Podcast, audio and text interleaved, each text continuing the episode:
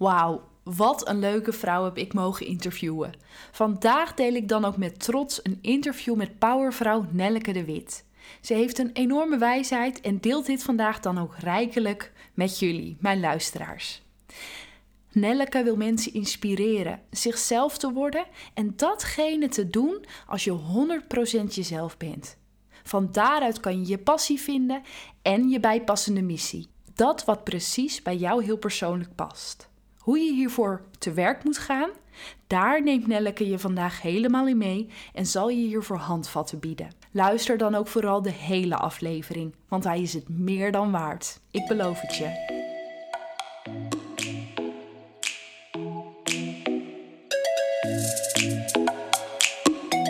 Mijn naam is Roosje de Vries en ik heb het verlangen om dicht bij God te leven en wil je graag inspireren om hetzelfde te doen. Je zult hier prikkelende preken en eerlijke gesprekken horen, met als doel jou te stimuleren om op reis te gaan naar Gods hart. Want God wil ons laten bloeien, zoals Hij jou en mij bedoeld heeft.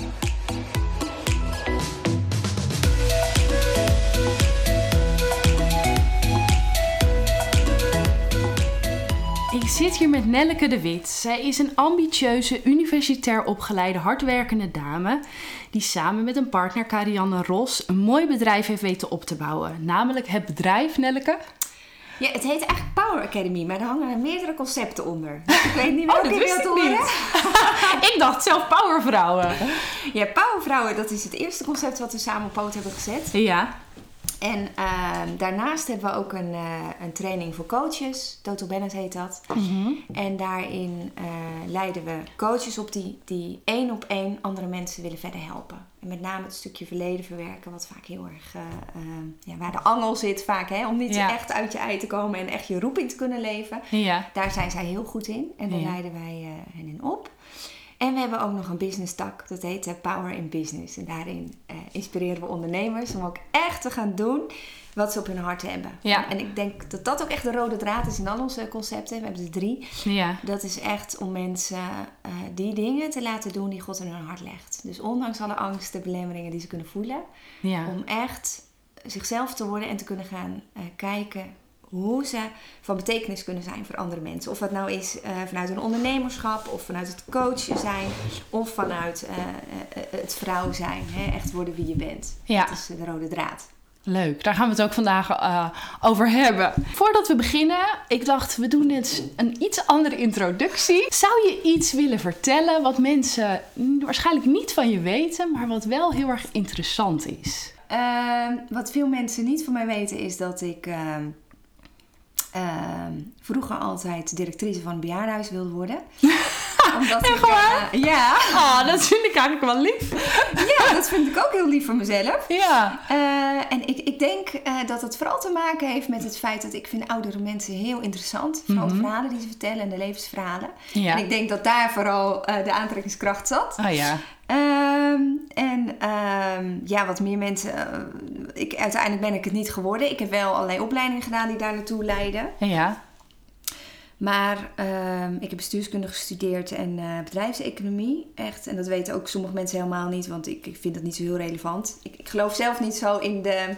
eh, ehm, ja, in het belang van studies. Dat klinkt Serieus? raar. Ja. Terwijl je twee diploma's hebt. Dat klopt. En, maar dat heeft meer te maken, denk ik, met mijn prestatiedrang van toen de tijd. En, Mm. ehm, ik kom niet uit zo'n heel lekker nest. En Ja. ik wilde vooral aan de hele wereld en mezelf bewijzen dat ik heel normaal was. En dat ik ook prima kon studeren. En dat ik Oh, ja. intelligent ben. En Ja. bla bla bla, dat soort dingen. Ja. En dat is ook gelukt. Alleen merkte ik daardoor ook dat je daar niet heel gelukkig van wordt. Hm. En ik denk ook, ik ben gaan werken ook met die studies. En ehm, ja, ik zat helemaal niet op mijn plek. Ehm, Is daaruit ook jullie bedrijf ontstaan vanuit die onvrede? Absoluut. Ja. ja, dat heeft heel erg te maken met mijn persoonlijk ontwikkelingsproces, uiteraard. En Ja. ehm, niet alleen dat, ik ben ervaringsdeskundige, dat kan ik echt wel zeggen. Maar ik ben dan ook wel weer het type wat als ik dan iets interessant vind, dan wil ik het onderste eh, van de steen eh, boven hebben, zeg maar. Wil ik alles van weten. Dus Ja. dan lees ik alles wat los en vast zit. Oh ja. Dus ik, ik kan je heel erg eh, zeggen, ik, ik ben doctorand in de bestuurskunde, maar als je mij vraagt hoeveel mensen er in de Tweede Kamer zitten, dan weet ik dat echt niet meer. Dat zijn allemaal dingen die ik niet interessant vind en die dus ook gewoon niet zijn blijven plakken. Terwijl mijn hele kast staat hier vol met psychologieboeken. En ik denk, ehm, daar weet ik bijna ieder woord op welke pagina en welke punten werd gemaakt. Weet je wel? Ja, dat vind ja, ik ja. interessant. Dus dat bedoel ik ook als ik zeg van ja, eh, diploma, studies, het zegt me niet zoveel. Het is belangrijker wat je gewoon echt vanuit, van binnenuit echt interessant vindt. En waarvoor je intrinsiek gemotiveerd bent. En ehm, Ja. dan zegt denk ik de inhoud van je boekenkast meer over je dan, eh, dan je diploma's. Wat is jullie missie met jullie bedrijf? Nou, onze missie is wel echt... Ik heb hem al op tien verschillende manieren opgeschreven... maar het beste komt er toch uit, gewoon zo uit mijn hart. Ja. Onze missie is echt om mensen te inspireren echt zichzelf te worden. Hm. En dus de dingen te gaan doen die eruit komen als je 100% jezelf bent. Dus dat heeft eigenlijk ook alles te maken met identiteit. Wie Ja. ben je nu? Maar hoe kom je daar?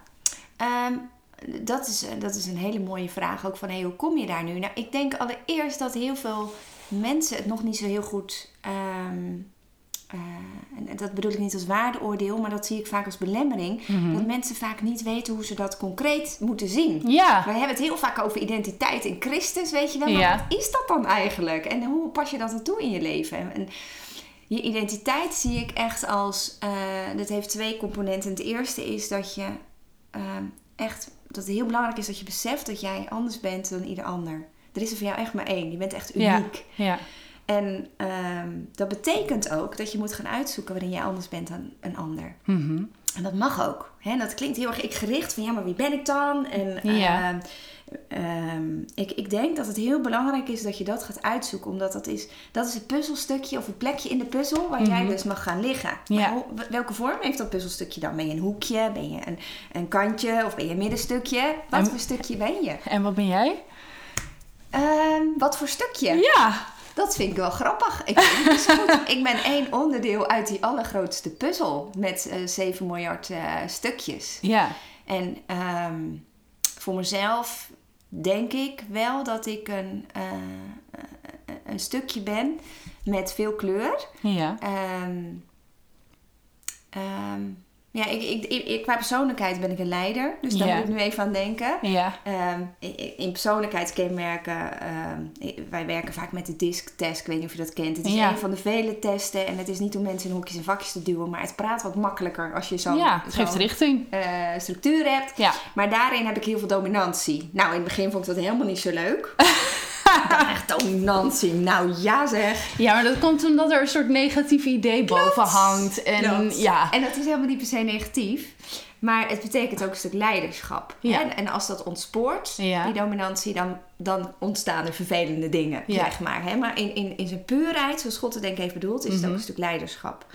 En daarin ben ik anders dan andere mensen. Hè? Maar even op dat ene punt van de identiteit te blijven. Ja. Daarin ben ik anders dan anderen. En dat betekent denk ik dat ik eh, richting mag geven voor de puzzelstukjes die om mij heen zitten. Hè, Oh, dat, mooi. ik ze, dat ik ze mag meenemen. Ja. Eh, dat ik ze mi- misschien wat mag leren. Maar ook dat ik niet belangrijker ben dan een ander puzzelstukje. Want als ik er niet ben, dan is er een gat. Maar als een ander puzzelstukje er niet is, of het nou een, een volger of een leider is, maakt niet uit. Dan is er ook een gat in Gods grote Ja. eh, plaatje. Ja. Ja. ja. En ehm, ik denk dat dat heel belangrijk is. Dus dat je bewust wordt van, ja, maar er is voor mij echt maar één. Waarin ben, ben ik dus uniek? Dus dat Ja. je daarnaar op zoek gaat. En het tweede wat heel erg belangrijk is, en dat noemde ik net ook al, is dat je, eh, dat je er vrede mee krijgt met hoe je zelf bent. En dan komen we heel erg, denk ik, bij de identiteit in Christus. Ja. Dat we, ehm, dat we op een gegeven moment zien, oké, hierin ben ik dus anders gemaakt dan een ander, door God, Mhm. mijn schepper. Ja. Inclusief alle processen die erbij horen, psychologische processen, biologische processen, Ja. een hele reut met uit. Ja. Ehm, maar vind ik het eigenlijk, kan ik mezelf dan ook aanvaarden? Kan ik door Gods ogen naar mezelf kijken? Mhm. Ja, het gaat over die dominantie. Ik Ja. vond het helemaal niet tof in het begin. Ik dacht, ja, maar daar heb ik helemaal geen zin in. Ik wil maar geen leider zijn. Nou, het is best een verantwoordelijkheid. Eh, precies. Maar even aanhakend op Ja. jou wat je vertelt. eh, Want wat er dan bij mij opkomt over mezelf. Ik ben, eh, daar werd vroeger altijd al gezegd. Ja, je bent overdreven. Je bent zo aanwezig. Oh ja, Roosje gaat weer op het podium staan. Want ik hield heel erg van toneel. Dus ik heb dat heel erg onderdrukt een hele tijd. Ja. ja. Terwijl, terwijl dat is wel deep down wat er, er in mij zit. Ja. En inderdaad, wat ik merk, als ik dat niet omarm, dan, dan laat je dat ook niet zien. Nee. Je wordt... Heel veel mensen denken dat je wordt gepakt op je zwakte. Ja. Je zwakheden, die valkuilen. Ja, Ehm, eh, dat, dat kan zo zijn. Maar ik geloof meer dat je wordt gepakt op je kracht. Omdat dat is, Ja. eh, dat is wat andere mensen opvalt aan jou. Dat is precies dat ene unieke, dat valt op. Hè? Dus, een- Maar hoezo word je daarop gepakt? Kan je dat nou, uitleggen? ehm, ik bedoel dat echt als... ehm, dat is vaak wat je terugkrijgt van Ja. andere mensen. Hè? Mensen die zich nog... ehm, nou ja, waar mensen heel goed in zijn, is elkaar vergelijken. En, en, en we vergelijken elkaar vanuit onze eigen bril die wij op hebben staan. Ja. Hè? Dus ik ben, Ja. ik ben een leider. Ja, Eh, ik, ik, eh, verantwoordelijkheid nemen is, is mijn kernwaarde nummer één. ja. Ehm, dat vind ik gewoon heel belangrijk. Mhm. En ik, ik moet ervoor oppassen dat ik dat niet door die bril naar iedereen kijk. Ja. Zeg maar. Want andere mensen zijn anders dan ik. En we zijn heel vaak geneigd om, om vanuit hoe we zelf zijn Ja, ja, te naar andere mensen te kijken. Ja. En dan valt het dus op als andere mensen anders zijn. En als we ons daar niet van bewust zijn, dan, dan vinden we er vaak wat van. En dan gaan we over tot oordeel. Ja, En ik denk dat dat juist zo jammer is. Want ik denk dat wij als mensen juist zijn gemaakt om elkaar in ons uniek zijn te zien en aan te moedigen daarin. Ja. En juist jezelf te worden. Want als we allemaal willen dat iedereen hetzelfde wordt als wij zelf, dan krijgen we allemaal grijze muizen. Weet je? nou, of kleurige muis als iedereen wordt zoals jij, wat Ja. je zei. Maar daar hebben we niks aan. We Nee. hebben niks aan allemaal kleurige muizen. Maar ja, weet je, dat is best wel lastig. Want je kijkt gewoon vanuit je eigen bril en jij denkt, Ja. nou, ik denk dat dit en dit en dit goed is. En jij wijkt daarvan af. Dus hé, hey, Ja, een deel aan jou is niet goed. ja, En dat beschadigt mensen heel, heel erg. absoluut. Ja. Ja, en dat is lastig. Maar als je daarvan bewust wordt en, je, en als je zelf die ontwikkeling ingaat, dus door echt uit te zoeken waarin ben ik nu uniek, Ja. en je gaat jezelf ook aanvaarden, je gaat het proces- ontwikkelingsproces in, Ja. dan word, zul je ook merken dat je langzamerhand ook op die manier naar andere mensen gaat kijken. Dat je gaat begrijpen van, oh, maar dit is dus het ontwikkelingsproces. Dus dat maakt Ja. je veel milder op een gegeven moment. ja, dat is zo. Omdat iedereen anders is. En jijzelf ook. En, en als, ik, als ik van me, eh, mezelf hou op een gegeven moment in mijn uniek zijn, Mhm. pas dan wordt het ook mogelijk, omdat ik besef hoe dat werkt, om Ja. van anderen te gaan houden in hun uniek zijn. En hoe ben jij dan van jezelf gaan houden? Want dat klinkt, dat zeg je Ja. in één zin. Maar ik neem Ja. aan dat dat een heel proces is geweest, denk ik. Dat is een heel proces geweest. Kan je daarin lessen uitlichten waarvan je zegt... hé, hey, dat heeft voor mij echt een verschil gemaakt? Ehm, ik, ik denk dat wij mensen ten diepste allemaal een strijd te strijden hebben in het leven. En dat is de, de strijd tussen. eh, ehm, en het klinkt heel zwaarmoedig, maar toch geloof ik echt dat het in, in het diepste van ieders hart die strijd woedt. Ja. De strijd tussen ontmoediging enerzijds Ja. en hoop en perspectief anderzijds.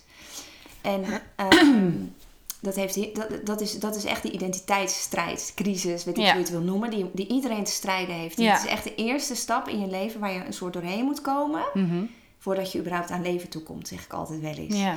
En ehm, bij mij werd die stap ook heel erg aangezwengeld of aangemoedigd door Mhm. mijn hele eh, ja, zware jeugd, kan ik eigenlijk wel zeggen. Ja. Waarin ik, ehm, nou ja, mijn ouders, die, die hadden het heel druk met zichzelf, omdat ze zelf ook geen fijne jeugd hadden gehad. Dus, Mm. dus ergens konden ze het ook niet goed. Maar ik heb echt zelf groot moeten worden, zeg maar. Mm. Ik heb het zelf moeten doen. En dat is natuurlijk heel verdrietig als je een klein kind Ja. bent en je moet alles maar zelf uitzoeken. Ehm, maar de andere kant is, en dat zie ik nu ook, Ja. en dan neemt pijn en verdriet niet weg wat er toen was, wat Nee. ik als kind heb gehad en wat ik ook echt heb moeten verwerken. Maar de andere kant is wel dat je daardoor, als, als je geen bevestiging krijgt van je ouders of van je omgeving, Ja. dat je dus echt zelf moet uitzoeken. En dat je dus gaat nadenken op een gegeven moment, of ik was in de, in de gelukkige positie dat ik me daarvan bewust was. Van, ja. Ja. maar, eh, dan is een belangrijke vraag, wie ben ik nou eigenlijk? En ben ik wel leuk? Ben ik eigenlijk wel lief? Hè, als dat niet zo vaak tegen je wordt gezegd, eh, dat heb je nodig als kind. Om Ja. je identiteit ook te ontwikkelen en om een stevige persoonlijkheid te worden. Maar hoe ben je dan toch zo stevig geworden? ja, ik denk juist omdat het er toen niet was, ja. ehm, heeft mij dat echt tot de rand van de afgrond gebracht. Ik denk dat ik het zo kan zeggen. Mhm. Eh, omdat ik ook ehm, ja, pas heel laat aan mijn identiteitsvorming toekwam. Omdat Ja. ik eerst moest overleven en zorgen dat ik überhaupt staande moest blijven. En, en toen had ik al mijn randvoorwaarden soort van op orde. Ja. Ik, ik had dus die diploma's. Ik had uiteindelijk een man met wie ik ging trouwen. Want ik zou bewijzen dat ik normaal was. En dat Ja. ik geen probleemgeval was. Ook al kwam ik uit een probleemgezin. Oeh. En, maar ik was niet gelukkig. En het kwam, e- had echt daarmee te maken. Ik wist niet wie ik was. En dan kun je daar echt... Dat, dat geeft zo'n onveilig rotgevoel. Ja. En dan kan je daar op een gegeven moment van over het randje duikelen. Mhm. En dus in wegzinken. Ja. Of je bedenkt van ja, maar dit, dit, kan, dit kan niet waar zijn dat dit dan nu mijn leven is. Dat ik me zo ongemakkelijk voel en zo, ehm, zo verdrietig en zo down en zo En misschien waardeloos. klem gezet in het idee hoe je moest leven. Klem gezet vanuit ik wil me bewijzen. Ook. Vanuit Ja. dit moet het nu zijn. Het was een overlevingsmechanisme voor mij. Een soort Ja. overlevingsstrategie. Een vlucht, denk ik ook. Maar dat hou je op een gegeven moment natuurlijk niet vol. Nee. Want, want die identiteit, die, die, die eh, vroeg of laat komt naar boven wat, wat naar boven moet komen. Ja. En dat gaf gewoon heel erg strijd. En ik werd me daarvan bewust. En wat ik gewoon heb gedaan is... Ik, heb, ik weet gewoon nog echt bijna... Dat heb ik me als kind al een paar keer bedacht. Van, ik, ik ga leven. Ik ga niet dood. Ik, eh, van binnen. Ik ga leven. Dat heb ik me zo sterk... Ben ik me altijd zo sterk van bewust Hmm. geweest. Heel diep van binnen. Ja, Van, mooi. Nee, ik, ik, ik, ik wil gewoon leven. Ik wil gelukkig zijn. Ik wil vreugde ervaren. En Ja. Ik wil... ehm, ik voelde instinctief en matig of zo aan dat Ja. ik voor de liefde wilde gaan. En Mm. niet voor de, voor de ontmoediging en voor het verdriet en voor de pijn en voor de ellende. En voor de, de, de, de ja, zwartheid van het leven. Ja, Mijn vader is zijn hele leven heel depressief geweest. ja. Dat heb ik van dichtbij echt natuurlijk meegemaakt. En ik ben heel sensitief. Dus ik heb dat altijd soort heel erg aangevoeld. Dus ik Mm. voelde altijd van... Hey, en dat bedoelde ik ook denk met die strijd tussen duister en licht. Ja. Dat heeft heel erg daarmee te maken. ja. En ik heb altijd gewoon besloten diep van binnen... Ja, maar ik ga voor, die, ik ga voor het licht. Ik Ja. wil dit niet.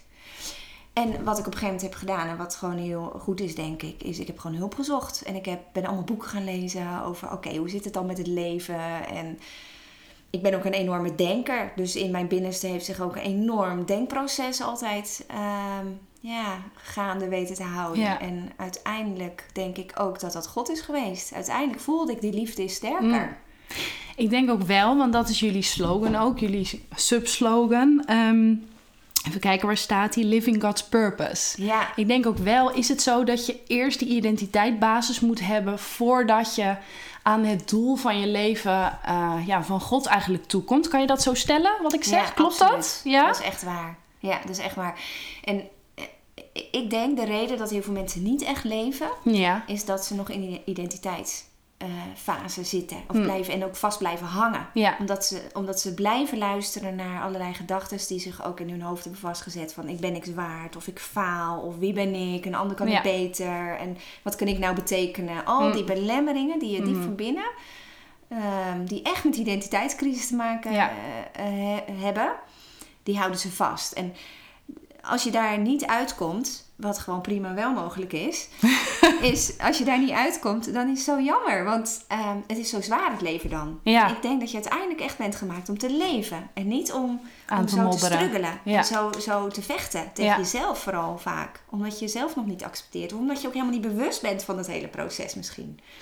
Dus eigenlijk om te gaan floreren en te gaan doen wat je wil, is eerst wat harde werk nodig. En wat, Ja. wat, wat Ja. opruimwerk. Ja, Om dan te kunnen gaan staan stevig van, nou weet je, ja, dit is het. Maar wat ik aan mezelf ook wel weer merk, en misschien herken je dat wel, dat ik dan merk dat ik wel weet, ja, ik wil eh, naar de hoek, ja, de rechterhoek van de kamer, even figuurlijk gezien gesproken. En dat als je daar stappen in zet, ook al doe je dat met knikkende knieën. Dat dat ook wel weer heel erg veel zelfvertrouwen en richting geeft. Want Ja. dan kan je wel ook wel weer voelen van... hé, hey, is dit echt iets voor mij? ja. Eh, is dit de goede weg of moet ik een beetje gaan bijsturen? En ondertussen kan je natuurlijk ook Ja. nog aan God vragen. Ja, aan God vragen van is dit het nou? ja. Dus, dus hoe, hoe, hoe moet je dat dan zien? Nou, ik- dit gaat al heel erg over wat wil ik en wat is Gods, eh, Gods weg voor mij. Ja. Wat is Gods roeping? Eh, die vraag kun je gaan stellen als je identiteit denk ik op orde hebt. En soms loopt het ook echt wel door elkaar heen. Het, Ja. is, het is een constant proces waarbij je, waarbij je ook altijd weer even langs die identiteit heen moet. Bij alle keuzes die je maakt in je leven. Je komt altijd even langs je eigen identiteit. Van wie ben ik, past het bij me? Eh, hè, je verandert ook, je ontwikkelt. Dus Ja. soms eh, passen nu dingen wel bij je die een jaar geleden nog niet past of tien Nee, jaar geleden. ja. En dat is ook helemaal prima. Ja. Ehm, maar, maar dat gaat wel over de vraag: wat wil ik nu? Mhm. De eerste vraag is: wie ben ik? En daarin is het belangrijk echt voor jezelf van... Hey, heb ik vrede met wie ik nu ben? Hoe Ja. God me heeft gemaakt? Kan ik door Gods ogen naar mezelf kijken? We weten, God geniet echt van mensen. God heeft vreugde in mensen. Mm. God kijkt naar mensen, naar zijn schepselen. En dat kan toch ook bijna niet anders? Als je zoiets moois maakt, zo'n hele wereld... met zulke fantastische concepten erin... Ja. En er gebeuren allerlei dingen ontwikkelen. Dan kan je toch ook niet. Dat, dat moet toch ook dat je ervan geniet. Als ik dingen maak en lekkere cake bak en ik zie dat die is gelukt, dan geniet ik daarvan. Ja, ja, ja, ja. En ehm, Ja, weet je. Maar dat geeft wel veel meer plezier. Ook, in, ook in wat je dan, als je dan gaat wandelen, als je die houding hebt wat jij net zegt, Ja. dan heb je ook echt veel meer plezier in, Ja. in hetgene wat je maakt. Ja, en het heeft echt te maken ook met positief denken. En ook echt met je visie op hoe God naar ons kijkt. Hm. Ik geloof echt dat God... eh, ik ben opgegroeid met, gegroeid met God als eh, oordeler. eh, Ja. ja ehm, verdoemenis, zeg maar. Daar, Zo Hm. ben ik echt opgegroeid als oordeler. Ja. En ik geloof steeds meer, en dat staat ook gewoon echt in de Bijbel, van ja, maar waar liefde is, is geen ruimte voor angst. En oordeel en angst, dat hoort zo bij elkaar. Mm. Dat zijn echt van die dingen. En ik denk, ja, maar als je van daaruit leeft, dus ook vanuit plicht leven, Ja. hè, vanuit plicht dingen doen als christen, want zo hoort het als christen. Ja, er zijn echt heel veel mensen Ja, die daar echt ja, in ja. gebukt gaan. Ja, klopt. En In ons vorige interview met eh, een psycholoog, die, eh, Oh, die, ging had het ook- daar ook, die zei echt, je moet niks. Dat ik zeg, ja, dat is lekker makkelijk. En aan de andere kant, hoe, dat is lekker makkelijk. Ja, maar dat zijn wij gewoon helemaal niet gewend, dat het eigenlijk heel makkelijk is. Ja. En ik zou je, en, en dat vind ik heel interessant dat je dat ook zegt, want heel vaak denken mensen dat, oh, je mag lekker 100% jezelf zijn, je hart volgen en eh, lang leven de lol en genieten maar. Ja. Het klinkt natuurlijk heel leuk. Alleen het gaat inderdaad wel over je hart. En dus ook weer die kosmische strijd tussen goed en kwaad. Want wat gebeurt er zodra wij vanuit liefde gaan leven, vanuit positiviteit. En als wij gaan doen waarvoor wij zijn gemaakt, vanuit Ja. ontspannenheid. Ja. Dan komt de geestelijke strijd. Dan merk je dat er constant een stok tussen je wielen wordt ge- gestoken. En dat er Herkenbaar, eh, ja. en dat dingen niet lukken. En dat mensen weer allerlei dingen tegen je zeggen. En worden gebruikt eigenlijk weer voor die negativiteit. Ja. Het is constant die kosmische strijd tussen positiviteit enerzijds, negativiteit enerzijds, anderzijds, liefde e- enerzijds, Mhm. ehm, haat en angst anderzijds. En dat is, dat, dat vind ik zelf echt, dat vind ik zo'n belangrijk principe van ons leven. Als je, als je daar zicht op krijgt, dan, dan zul je ook zien dat echt vanuit je hart leven en de dingen doen waar je blij van wordt. Ja, je wordt er heel blij van, maar het is ook mega intensief, omdat Ja. er een enorme strijd Ja. gaande is. En nog eigenlijk alleen maar heftiger wordt als je dat gaat doen. Ja, nou wat ik aan moet denken nu je dit zo vertelt. Ik had een keer met iemand een gesprek en zij zei van... eh, ik had het idee eh, dat, ehm, nou ja, dat God iets tegen haar had gezegd. Alleen zei ze, er gingen geen deuren open. En ik kreeg zelfs ontmoediging, Ja. vertelde zij. Waardoor zij dus eigenlijk de conclusie maakte... In ja, niet helemaal zo hard, maar oh, dan zal het wel niet van God zijn. Ja. Maar dat ik ook wel dacht, eh, want dat hoor ik in mijn omgeving wel vaker, dat ik aan de andere kant denk, ja, maar als je een onderneming of een ander project of een droom achterna wil gaan, dan denk ik niet dat alle deuren in, een- ja, in één keer open gaan en dat er ook ontmoediging zal zijn. Maar ik denk persoonlijk dat dat niet per se meteen betekent, oh, dan zal dit het wel niet zijn. Kan jij jouw licht daar eens eh, op laten schijnen? Ja, hoe we daarin kunnen, Ja. ja, een soort shift kunnen maken in ons hoofd. Ik denk dat de allerbelangrijkste eh, daarin is, is doe je de dingen vanuit passie, vanuit liefde. Mhm. Hè, maar echt vanuit een persoonlijke missie die je voelt op basis van liefde die je voelt in je hart. Ja. Ehm, hè, en echt vanuit passie, dus zo'n diepe liefde dat je bereid bent om offers te brengen. Mhm. als, als dat jouw drijfveer is diep van binnen, Ja. dan kan je er gif op innemen. Dat er, dat is waar, dat weet je, er gaan deuren open, daar ben ik even van overtuigd. Mhm. Maar dat er ook heel veel ontmoediging komt en Ja. heel veel negativiteit. Dat hoort er echt bij, maar dat is echt geestelijke strijd. Mm. Als jij het vanuit liefde doet, Mhm. denk ik dat God van ons vraagt dat we vastberaden moeten zijn. Ja. En Karianne en ik hebben, hebben nu ook echt heel duidelijk gezien, ook in wat wij nu aan het doen zijn, ook de manier waarop wij het aanpakken, die Ja. toch niet heel gebruikelijk is in de christelijke wereld. Gaan we het nog over hebben ook? Ja, ja, ja, dat is heel interessant. Ehm, dat wij ehm, ehm, vastberaden moeten zijn. En, Ja. en, en dat hoe meer van dat soort dingen. Wij zeggen nu tegen elkaar, we zijn vast met heel goede dingen bezig. Want dan komt er weer iets, weet je wel. Of dit Oh, of ja, dat. ja, ja, Oh, we zijn met de goede dingen bezig. Zeggen we dan Oh, dat is wel elkaar. mooi. En ja, jullie draaien het om. we draaien het om. Ja. Maar dat is belangrijk. Dat heeft ook te maken met die mindset. Ja. Dat positieve. Ja. En dat, want ik denk, dat heb, je, dat heb je gewoon nodig.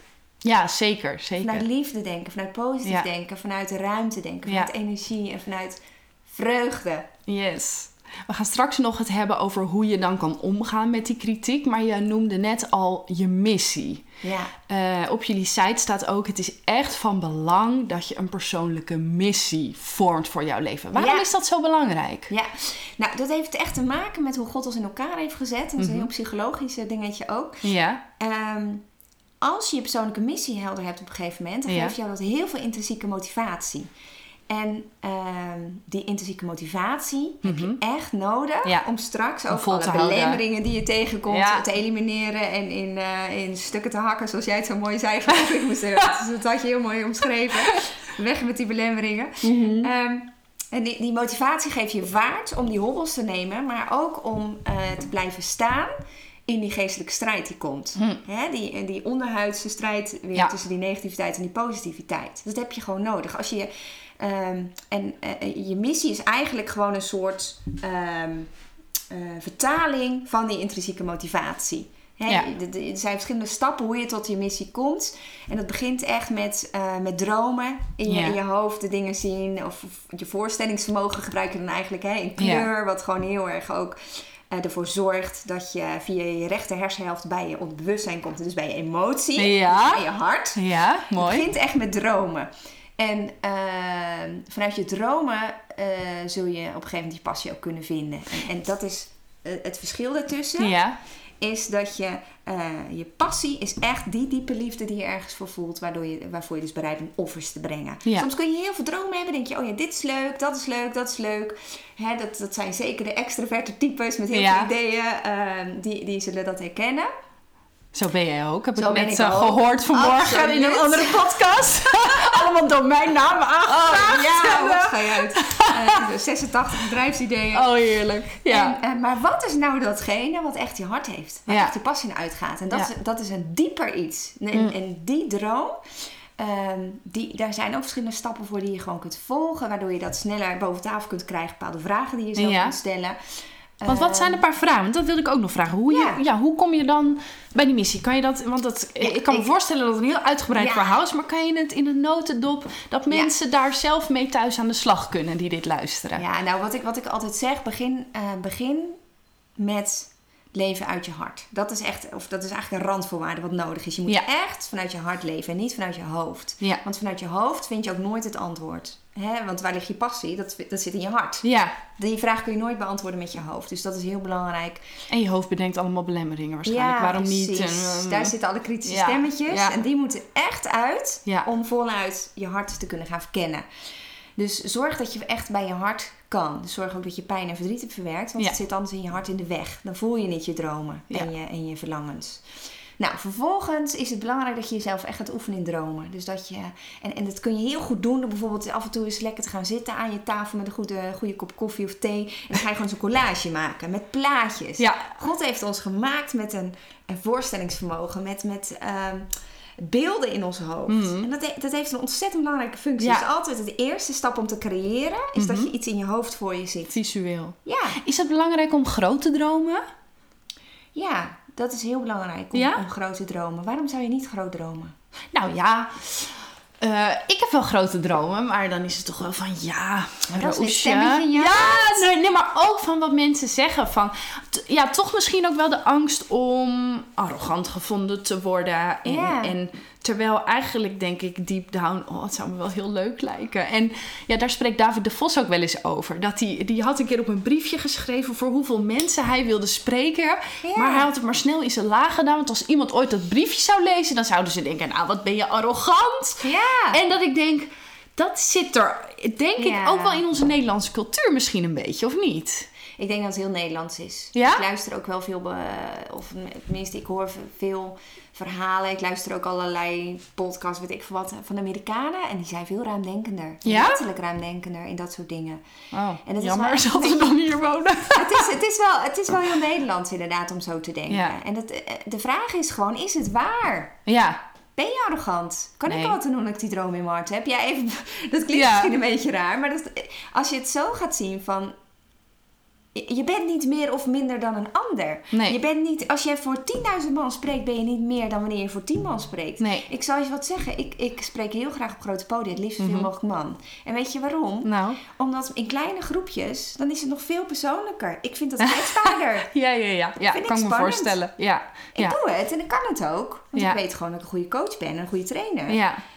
Maar ik, ik denk dat ik beter ben op een heel groot podium. Omdat Ja. ik ook bijvoorbeeld heel goed... Ik, ik, als je mij laat praten, ik kan uren vol praten over dingen die me hard hebben.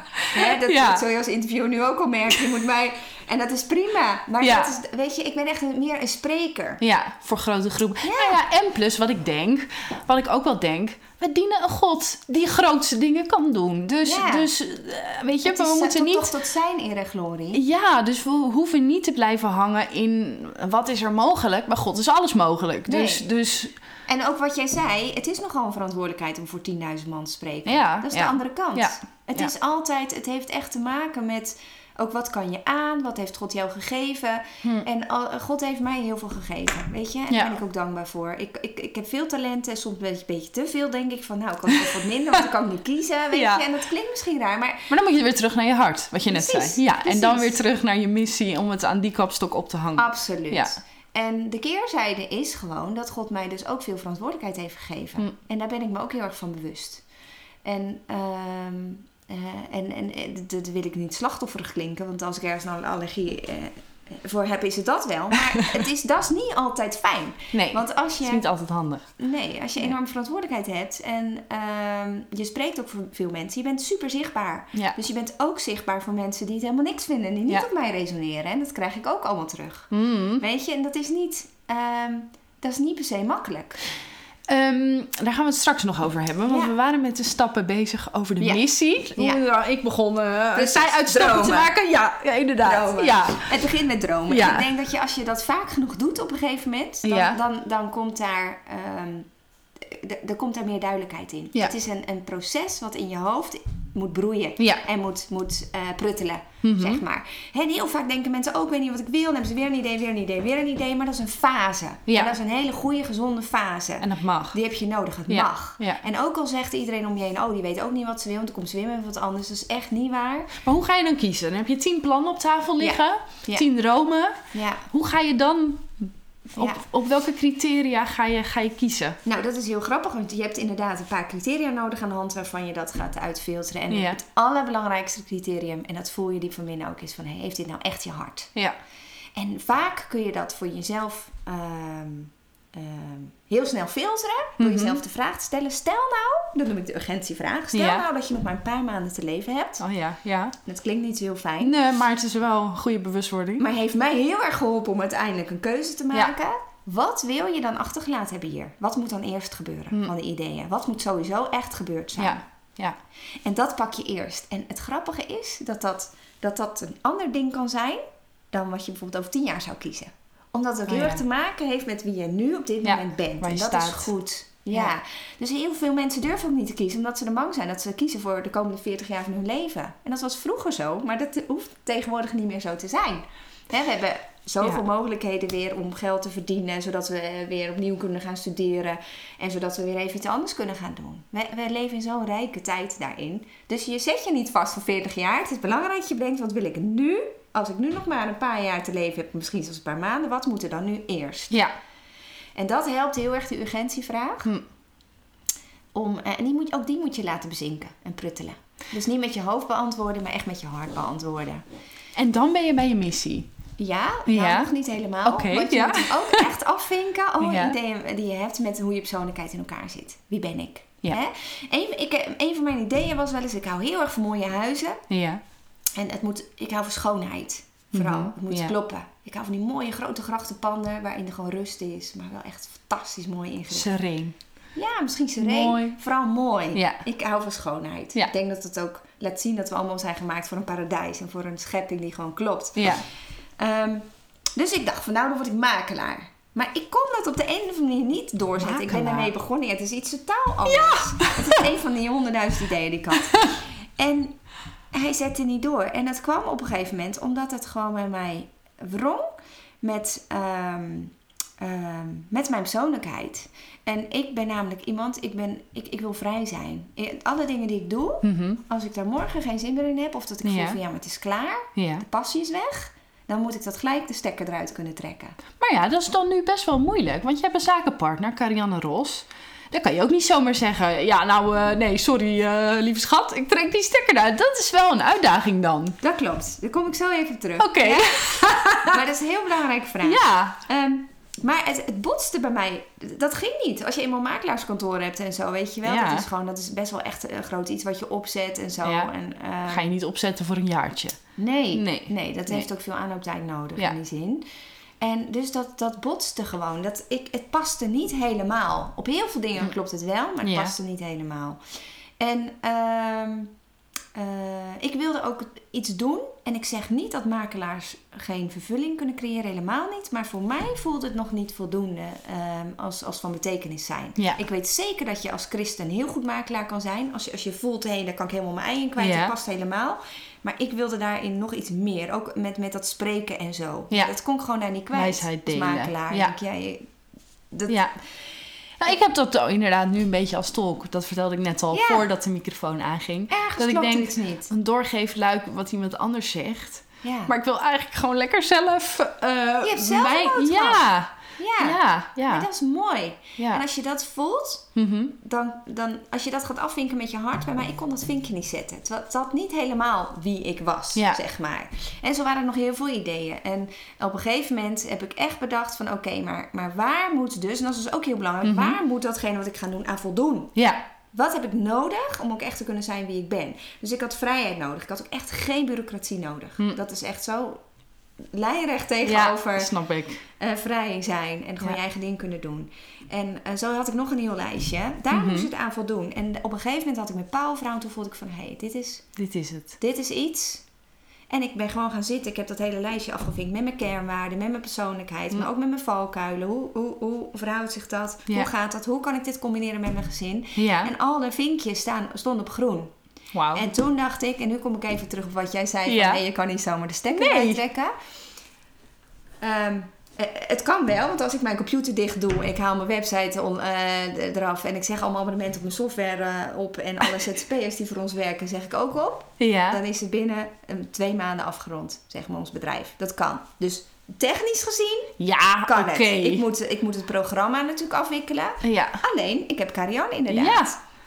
En dat is heel belangrijk, want Karianne is net als ik in heel veel Mhm. opzichten. Die heeft ook dat lijstje, nou dus ongeveer hetzelfde bij haar Ja. als bij mij. Oh, Niet mooi. overal in, maar de meeste dingen wel. ja.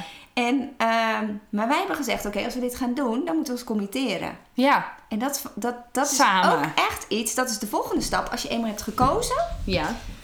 hè, op basis van je dromen, je passie en je hebt een keuze gemaakt op, al die, op basis van al die criteria die je hebt, dan is het de volgende stap echt committeren.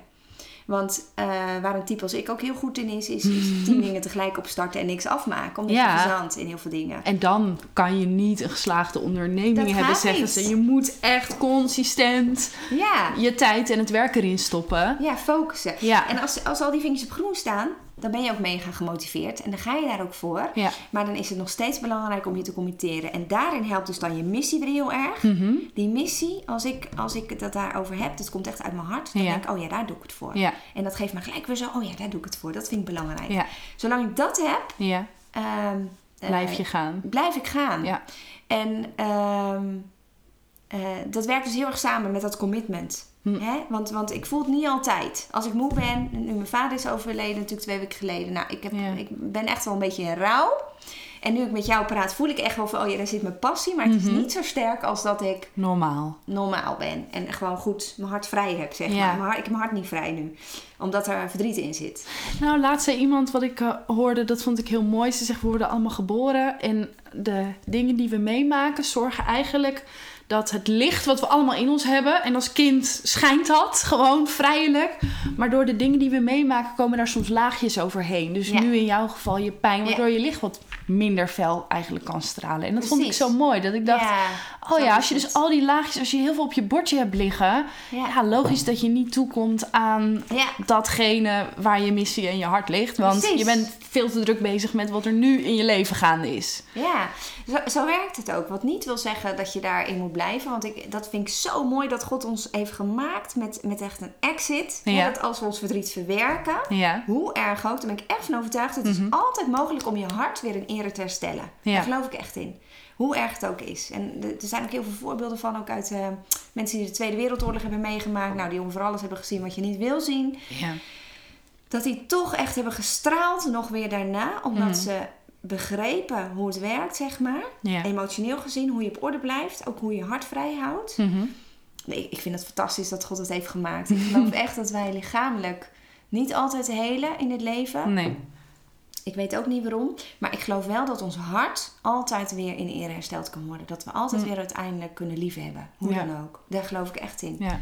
Maar ja, daar zal je soms wel wat dingen voor moeten doen. Mensen moeten Ja. vergeven. Absoluut. Het werk moeten verzetten. Ja. Naar binnen gaan. En dat, Rouwen, confrontatie aangaan. ja, in jouw geval nu rouwen. Nou, Ja. heftig voor je. Ja, nou, het is heftig, maar aan de andere kant ook, ook weer niet. Want ehm, als je dat eenmaal, één keer een soort heel heftig hebt meegemaakt, Mhm. dan weet je ook dat het, het voelt soms als een glijbaan, hè? eh, Erge dingen eh, verwerken. Ja. Je gaat die glijbaan af, die beerput gaat open en je weet niet waar je terechtkomt. Nee.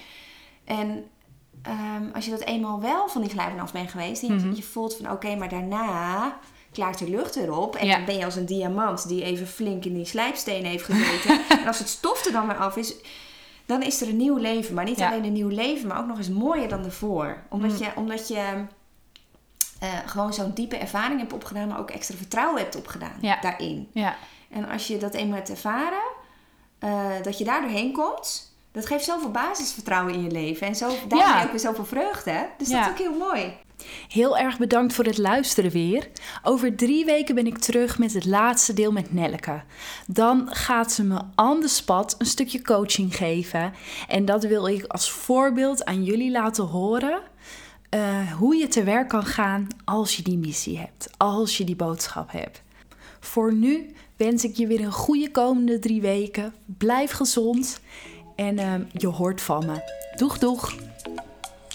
Wil je anderen ook kennis laten maken met bloei? Stuur dit audiobericht dan door.